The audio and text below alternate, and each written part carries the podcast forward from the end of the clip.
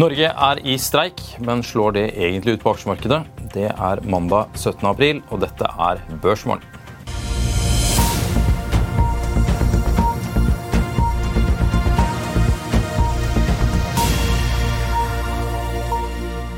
Velkommen til Børsmorgen her hos Finansavisen på denne streikemandagen i april. Jeg er Marius Mørk Larsen, og med meg har jeg Karl Johan Molnes. Men først noen kjappe oppdateringer. Selv om det blir tynnere med øl og godteri i butikken, er det ventet god stemning på Oslo Børs. Førhandelen på handelsplattformen IG er opp 0,1% mens aksjeekspert hos Nordnett, Roger Berntsen, er i det optimistiske hjørnet og anslår at Oslo Børs skal opp 0,3% fra start.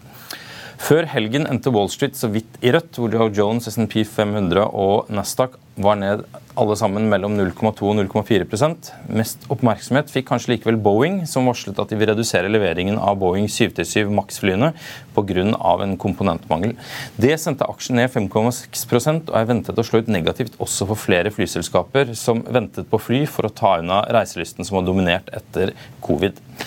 Dominere vil også resultatsesongen, som sparket i gang på tampen av forrige uke og for alvor ruller ut i dag. Både Morgan Stanley og Work of America skal presentere noe som kanskje kan gi et, bredere bilde av situasjonen i det amerikanske bankmarkedet, etter at JP Morgan Chase leverte litt bedre enn ventet i forrige uke. Det ble også blandet i Asia, hvor kinesiske Shanghai Composite vendte opp 1% i natt, mens Hang Seng i Hongkong steg 0,5 Samtidig er eh, brentoljen litt opp med 0,1% og ligger på 86,36 dollar. Eh, av oppdateringer ellers på morgenkvisten er det greit å nevne at handelsoverskuddet i mars falt for tredje måned på rad og endte på 71 milliarder kroner, melder Statistisk sentralbyrå. Det er ned 55,4% fra mars 2022. Lavere verdi på olje- og gasseksporten er hoveddriveren bak nedgangen. Eksporten endte på 171,3 milliarder kroner i mars, ned 31,3 samme, må eh, samme måned året før, mens importen var 100,2 milliarder kroner, opp 11,5% på årsbasis. Fastlandseksporten styrket seg med 14,2% i samme periode og endte på 72 milliarder kroner. Økte laksepriser og store enkelttransaksjoner trakk opp fastlandseksporten i mars. Viridor har nok en gang ikke fått tilstrekkelig aksept for sitt bud på plastgjenvinningsselskapet Quantafuel, ifølge en børsmelding mandag. Det britiske selskapet har mottatt aksepter for 129,2 millioner aksjer, tilsvarende om lag 77,9% av utstående aksjer og stemmeretter. For at budet skal gå gjennom, må 90 godkjenne det. Viridor forlenger dermed tilbudsperioden for kjøp av alle aksjer i kantafjul for 6,38 kroner per aksje til klokken halv fem 21. april. Fristen kan utsettes flere ganger, men ikke forbi 11. mai.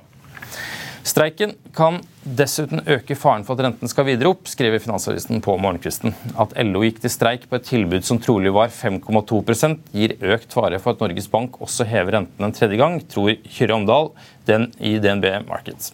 Norges Bank har nå et lønnsvekstanslag som er høyere enn teknisk beregningsutvalgs inflasjonsanslag på 4,9% og dermed tatt høyde for en realvekstgrense på 0,2% Blir lønnsveksten og dermed reallønnsveksten vesentlig høyere enn dette, kan det imidlertid bety en ekstra renteheving i år.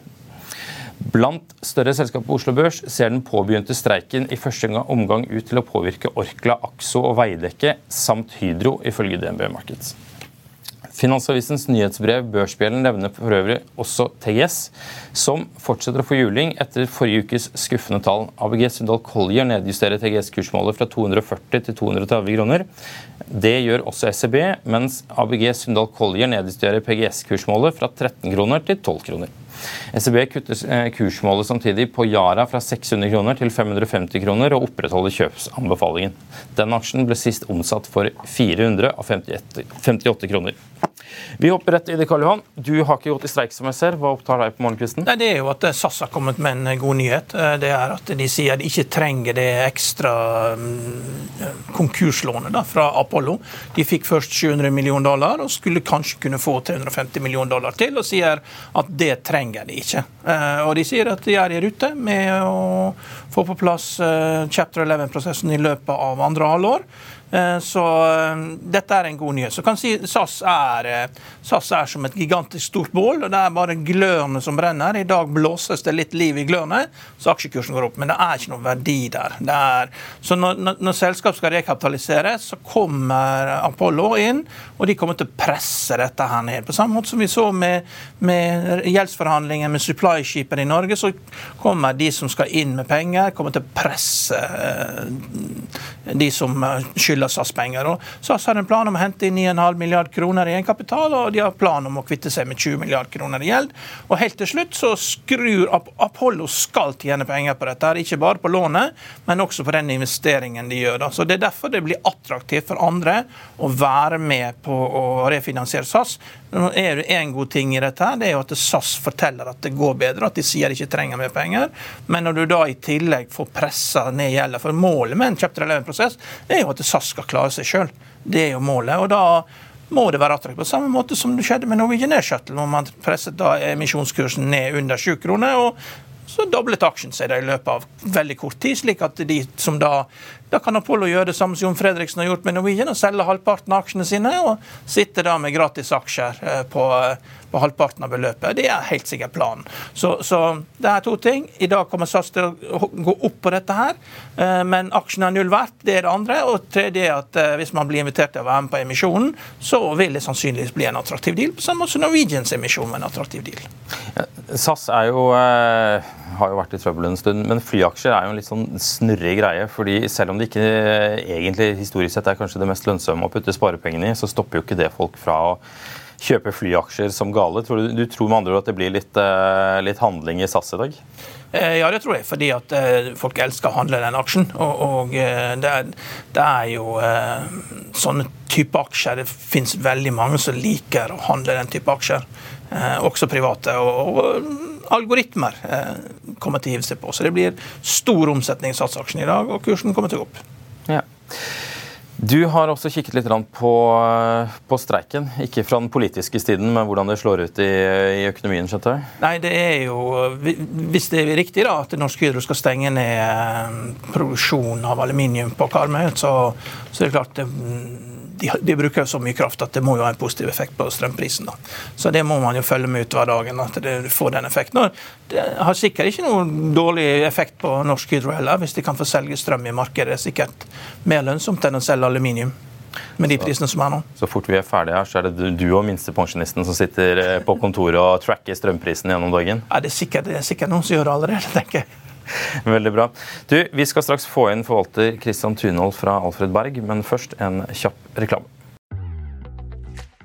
Vil du bli oppdatert på det viktigste som har skjedd innen finans og næringsliv? Da er det bare å følge med, for hver morgen er jeg, Marius Lorentzen og aksjekommentator Karl Johan Malnes på plass i studio for å ta tempen på dagens marked i Børsmorgen. Og hver ettermiddag oppsummerer vi alt du trenger å vite i økonominyhetene, og det blir selvfølgelig masse interessante gjester. Klikk deg inn på fa.no-tv, eller søk opp Børsmorgen og Økonominyhetene der du hører på podkast.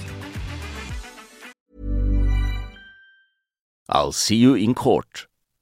Vi sier det ofte litt på spøk, men for deg som driver business, er det aldri moro å innse at du ikke har laget en 100% gyldig kontrakt. Du bør ikke risikere hele firmaet ditt fordi du synes dette med kontrakter er litt stress. En avtale er ikke en avtale. Du kan miste kunder, miste venner, ja, til og med miste inntekter om du ikke lager en skikkelig kontrakt, på alt mulig, egentlig. Men vi vet det er et styr. Kopimaskiner, treg printer og haugevis av papir. Dessuten stoler vi jo på folk her i landet. Det er ofte litt kleint å skulle be om en signatur for alt mulig, ja, for mye av styret handler også om jakten på underskriften. Det finnes en enkel måte å løse dette på, Dukkobit, en trygg, effektiv og get this, gratis måte å sikre seg en god natts søvn pluss en juridisk bindende avtale. Dukkobit-appen har de strengeste sikkerhetskrav i bunn, samt en EU-godkjent og sertifisert teknologi. Framover vil det bli behagelig å spørre du, skal vi skrive under på det, eller? Kom i gang på dokobit.no. Da er vi tilbake med Kristian Tunhold. Velkommen til oss. Takk. Du, Hva opptar deg på, eh, på morgenkvisten, eh, bortsett fra strøm og SAS? Eh, mye. Og det som jeg følger med på mest i markedet nå, det er faktisk finansnæringen. Ja. Og Da ser jeg litt forbi streiken, som tross alt er et lokalt norsk fenomen, om jeg får kalle det det. Men det største bevegelsen på aksjemarkedet så langt i år, det har jo vært på finans. Og det er også de største nyhetene vært. Ja. Der hadde vi noen velkjente nyheter nå i mars fra både amerikanske og sveitsiske banker. Og Hvis jeg skal plukke ut én ting som jeg syns er spesielt spennende akkurat nå, så er det hvorvidt dette er et enkeltproblem eller et systemproblem. Og der er, der er jeg åpen for alle synspunkter. Og Hvis det er et enkelt problem, altså begrenset til noen få banker, så er det greit. Da går verden videre ganske, ganske upåvirket. Hvis dette er et systemproblem og det kommer flere tilsvarende nyheter, da er det litt annet spill. Hva ser du etter nå? Det vi ser etter Nå nå kommer de første store amerikanske bankene de kom jo på fredag med tall. De var stort sett bra. Men reguleringen i amerikanske banker er jo forskjellig fra de 15 største og derfra nedover. Og det er de litt derfra nedover-bankene som har vært litt problemer. Og eh, det har også avdekket litt eh, Kanskje litt mangler i stresstestene. Altså, de har ikke testet så mye på rensesensitiviteten i amerikanske banker. Litt mindre. Så om dette er begynnelsen på noe større eller et enkelt fenomen, det er vel kanskje det aller viktigste akkurat nå. Tror jeg. Ja, for det er, vel, det er vel ganske klart allerede at det er disse små og mellomstore bankene som uh, vil avgjøre om dette blir en uh, resesjon eller ikke, så vidt jeg skjønner? Ja. Det er en bankutløst resesjon? Ja, altså hvis bankene har problemer, da skal det godt gjøres å gjemme seg. Uh, men én bank har problemer, det er greit. Det lever vi med. Altså fordi Da stepper de andre inn og hjelper til litt. Men hvis systemet har problem, da er det litt verre. Hva tror du? Jeg tror faktisk eh, Eller eh, jeg si, jeg håper Dette er håp, altså mer enn at dette var et enkelt fenomen. Litt fordi også at eh, når man går litt tilbake, så ser man at kursene til disse bankene som faktisk hadde problemer, de ga noen signaler i forkant om at det så svakt ut. Og hvis jeg ser på Credit Suisse, så har jo den vært en problembank i flere år. Altså, Den har skilt seg ut i Europa. Altså, Se på de store europeiske bankene, så har de egentlig levert bra tall, og aksjekursen har steget de siste tolv månedene. Credit Suisse er stikk motsatt. De, altså, de har tatt uh, tap, de har meldt opp enkeltproblemer, og kursen har falt. Så hvis vi skal dømme etter den, uh, hva markedet, aksjemarkedet forteller oss, så uh, ser dette ut til å være et enkeltproblem foreløpig. Ja, så du tror ikke på en resesjon, da, med andre ord? jo, det er det altså, Bankene er det ene, og så har vi jo det som vi kanskje har fulgt mest med på nå i tolv måneder. Det er denne rentekurven, altså yield curve som vi kaller det på engelsk, at eh, de korte rentene er høyere enn de lange. Og Historisk så har det vært en veldig god predikator for resesjon. Og Denne her slo til nå for ca. tolv måneder siden. og Det er mange som da har gått tolv måneder og ventet på en resesjon. Eh, det som er litt underlig, er at de venter fremdeles. Resesjonen har ikke kommet. Så det har vært veldig motsetning mellom hva som har vært sånne kjente historisk veldig gode signaler, og det som faktisk har skjedd i aksjemarkedet, eller finansmarkedet generelt. For Nå kommer du jo på odds med vår uh, aksjekommentator, for du har jo ventet på den resesjon ganske lenge nå, Karl Johan? Ja, og den kommer. Det, ja. det, men det, det, er klart, det, det som skjer, er jo at rentene går opp, og, og de skaper veldig stor skade. Uh, og Det er klart det er de første og de svakeste bankene som går ut først, men allerede i dag så kommer Charles Schwab med tall. Er den åttende største banken i USA. Og eh, de har eh, investeringer på 7,3 milliarder. 7,3 eh, trillion dollar. Og de var de første som tok ned har null kortasje og tenkte de at disse innskuddene som vi får fra disse kundene, de skal vi plassere i obligasjoner da, til 1,5 og 2 Og så har obligasjonsrenten gått opp. Så nå er jo den banken er jo ikke solvent. da. Så den er negativ på egenkapital på 22 milliarder dollar. Og det skal bli spennende å se hva de sier. da. Mens Interactive Brokers, som er et sammen sammenlignbart med et globalt selskap, de har ikke fått lov til å ligge med nullrente på kundeinnskuddene. Der har kundene deres tvinget, tvunget de til å ha pengemarkedsrente minus 0,5 rente. Da. Så det er en, eh, så, Å sammenligne de to det er en eksersis jeg kommer til å gjøre i løpet av uka. Men det er bare ett av problemene. Så det, det, er ikke bare Silicon Valley og Credit Suisse som har vært eh, dårlig drevet. Det er mange andre banker også.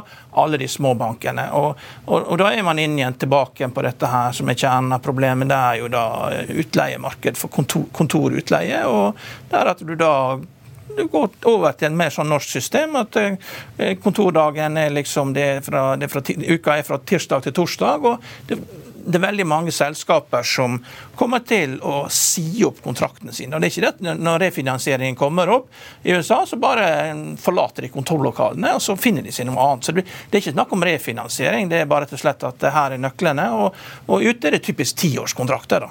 Aldri, aldri, noe mer enn det. Så, så det betyr jo at hvert tiende år så fornyes eh, kontraktene eh, på kontor.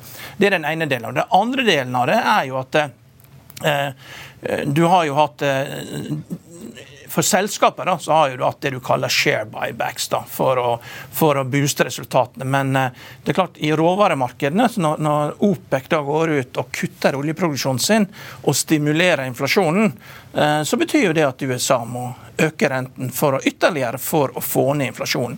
For de har sagt de skal få ned inflasjonen. Så dess mer OPEC kutter, dess mer må USA øke renten.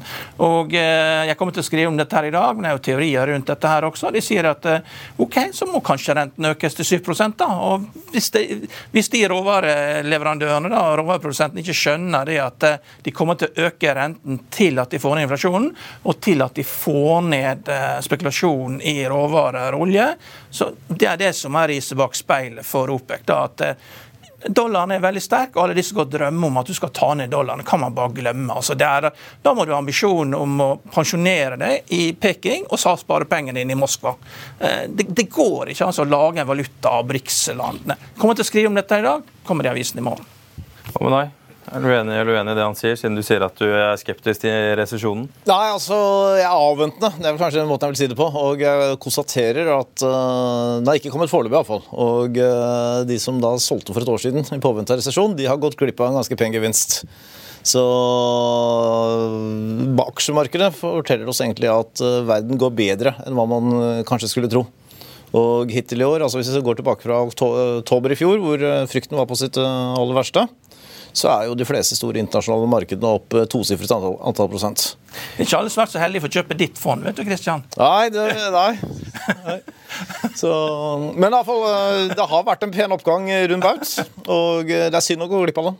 Ja. Og Foreløpig så ser det faktisk ut som det holder. Nå har vi jo fått hans uh, tanker om hva, hvorfor dette blir en resesjon. Men hva er det du ser etter som gjør at du er avventende? Uh, nei, altså På et eller annet tidspunkt så kommer resesjon. Altså det, det, kommer alltid en resesjon uh, før eller siden. Og Spørsmålet er om man skal prøve å time det eller bare sitte igjennom. Og Hvis vi ser på mikrotallene, altså hva selskapene leverer, så har jo det egentlig vært jeg vil nesten si forbausende bra så langt. Uh, nå gjenstår å se. altså Q1-sesongen er i ferd med å åpne, så vi får se hva det, den melder. Men tallene for, i hele fjor høst, uh, både Norge og Norden uh, Det var ikke noe spor etter resesjon da, iallfall. Så klart på et eller annet tidspunkt så kommer det, men det går egentlig forbausende bra foreløpig. Og da sier jeg forbausende, fordi det er mange signaler som tilsier at det skulle vært det. Men når du ser på hva selskapene leverer, så har ikke den kommet ennå. Altså. Men eh, ditt fond, du sier ditt fond er opp 80 eh, på fire år. og ja. Vi hadde jo uh, Ulf Leinbø for langkreditter innen hans fond var opp med 50% på, på fem år. og Han har tatt lavere risiko enn dere. Men hva er, det, hva er det du har tenkt å gjøre nå fremover som gjør at du vil holde på den ledelsen du har bygd opp her? Nei, Vår strategi er rett og slett å følge med på hva markedet forteller oss, og agere deretter. Og så, så prøve å skille støy fra informasjon. Altså kutte ut det som er eh, kortsiktig, og prøve å henge oss på de litt langsiktige trendene. Og uh, vår største utfordring så langt i 2023, det har jo vært finans. Finans så veldig bra ut. Det var veldig bra i slutten av 2022, så var den veldig bra i begynnelsen av 2023. Og så fikk vi disse nyhetene internasjonalt, Credit Suisse, disse bankene i USA, som gjorde at finanssektoren hadde en stor dipp i mars. Og mitt store spørsmål nå til meg selv det er er dette enkelthendelser, eller er dette begynnelsen på et systemproblem? Hvis svaret er ja på det første, at dette er enkelthendelser, så er eh, bank sannsynligvis et veldig god investering på disse nivåene, fordi at eh, P-en er jo usannsynlig lav. Vi er ensifret. Hvis svaret er at dette er begynnelsen på noe større, så skal vi gjøre noe helt annet.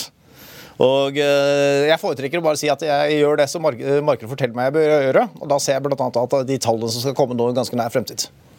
Charles Schwab er en av dem. og så får Vi også, vi har fått eh, de store amerikanske bankene kom på fredag, det var bra.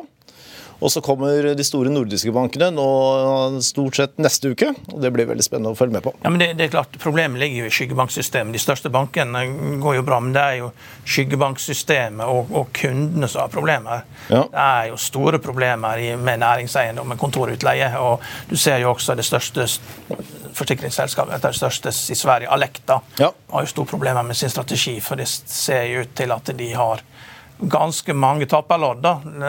Har tatt veldig mye risiko, sikkert fantastisk god avkastning. Men en av de få aktive investorene som har vært inne i Silicon Valley Bank. Da, så det er, eh, og, og også stor i heimstaden og eh, en del store lån. Så her er det er en del som liksom eh, har svømt naken da, når, ja. når tidevannet går ut. Og, ja. og, Så får man håpe ikke det er for mange av dem. Men ja. kontorutleie i store byer, det er jo viktig. og det er jo store problemer med de fondene.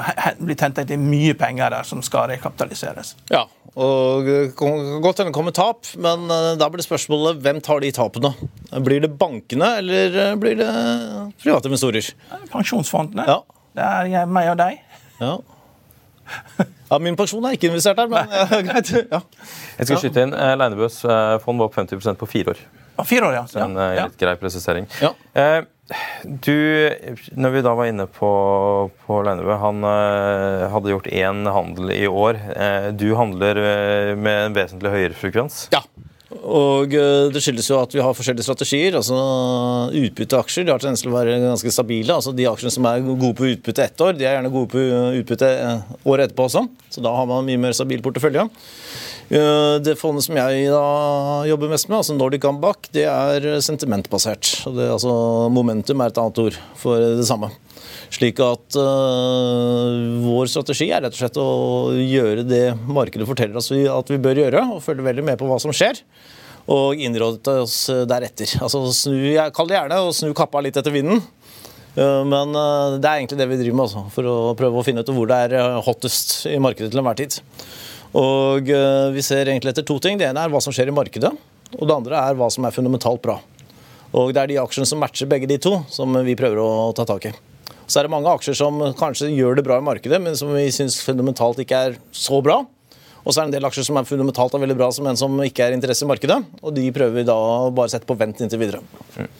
Så det er når de to sammenfaller at eh, vi prøver å slå til, da. Ja, for det, du var inne på, eh, Akkurat nå så fulgte du mye med på, på, finansaksjer. Men er det noen andre sektorer dere er i som du syns er spennende? Ja, altså Energi er jo spennende. Altså, Der har det jo skjedd enormt mye de siste årene. og uh, Så er kanskje spørsmålet om det har gått litt for mye og litt for fort. For vi fikk jo noen tall fra et par seismikkselskaper uka som var. Som kanskje ikke var helt der hvor vi i aksjemarkedet trodde at de skulle være. Og det er mulig rett og slett at forventningene hadde gått litt for langt i forhold til realitetene. Det er en måte å se det på. Ellers er det rett og slett at eh, den oppgangen som var litt oppløst og vedtatt skulle komme, at den kommer, men på et senere tidspunkt og senere enn hva markedet har lagt til grunn. Så det er mange måter å se dette her på. Og eh, altså Der var det i hvert fall et par eh, høyprofilerte seismikkaksjer som definitivt ikke nådde opp til forventningene og fikk seg en ganske kraftig smell. Uh, mens hvis vi ser på riggrater, så kommer jo de inn på veldig hyggelige nivåer nå. Så at så rent fundamentalt bransjen er i fremgang, den tror jeg vi kan si nesten er uh, dokumentert. Men om det er eh, for mye, eller eh, om det holder følge med forventningene, det er kanskje litt mer et åpent spørsmål. Ja. Du, har, du har et nordisk mandat, og den sektoren som er mest het nå, det er jo gullsektoren. Finnes det gullaksjer å investere i Norden som det er verdt å se på? Uh, det finnes gullaksjer. Om det er verdt å se på, det er kanskje et litt annet spørsmål. Altså, da husker vi jo alle Mark Twain.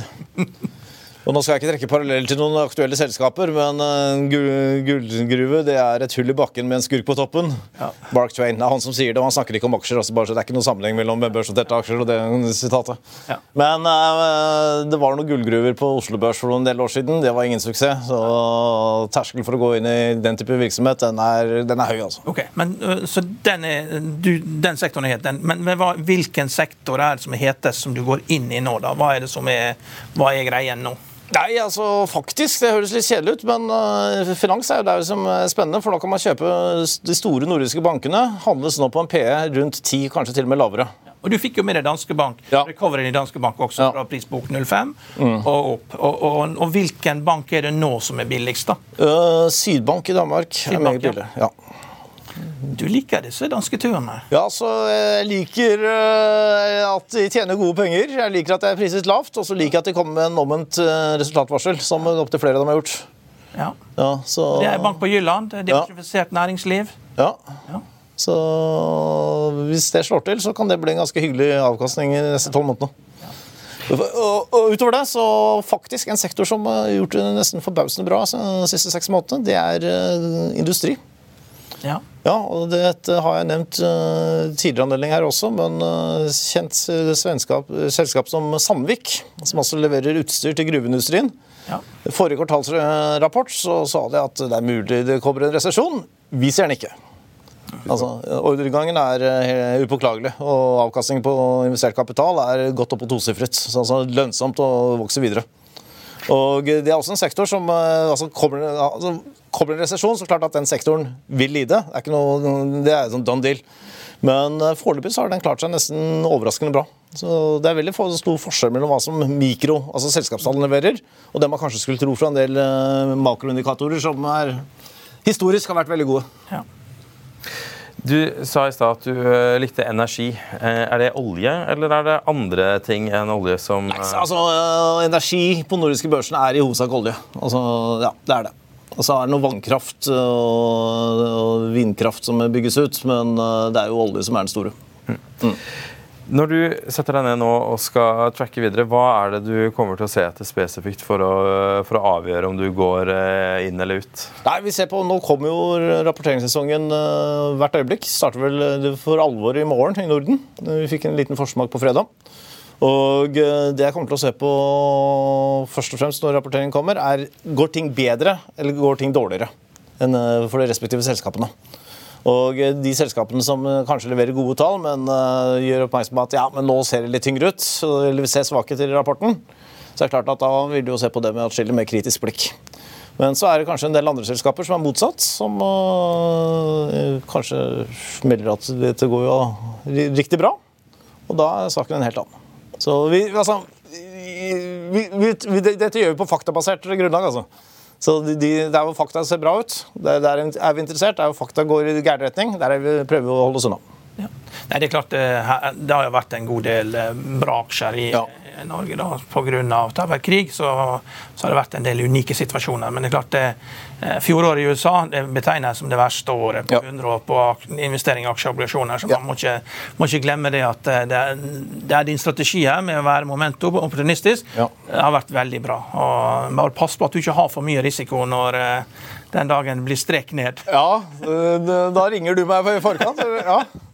Ja, nei, altså, Det er et klassisk problem her. Altså, det- er åpenbart at ting kommer ikke til å være bra hele tiden. Men uh, hvor mye skal man tåle av uro før man faktisk sier at nå er det et litt større problem, og hva som bare er daglig støy? Ja. Altså, Vi vet jo alle at uh, aksjemarkedet har sånn kortsiktig bevegelse. aksjemarkedet, Det er rent tilfeldig. Å prøve å styre etter det, det er uh, taperspill. Så å finne litt mer lange, stabile trendene som som har satt seg litt, det er vel egentlig det som er vår målsetting. da. Og så prøve å ignorere det som er kortsiktig støy. Og så er det et konstant dilemma. Hvor mye kortsiktig støy kan du ha før det går over til å bli en litt mer langsiktig trend? Ja, det er øh, Ja.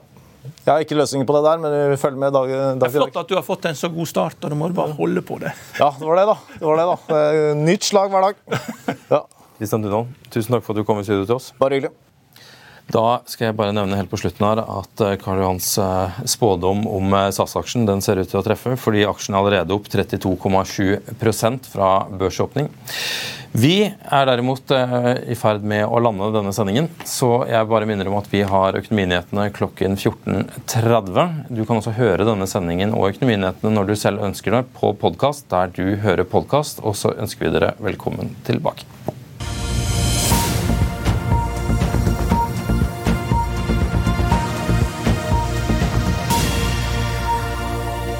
Økonominyhetene er en podkast fra Finansavisen. Programledere er Marius Lorentzen, Stein Ove Haugen og Benedikte Storm Bamvik. Produsenter er Lars Brenden Skram og Bashar Johar. Og ansvarlig redaktør er Trygve Hegnar.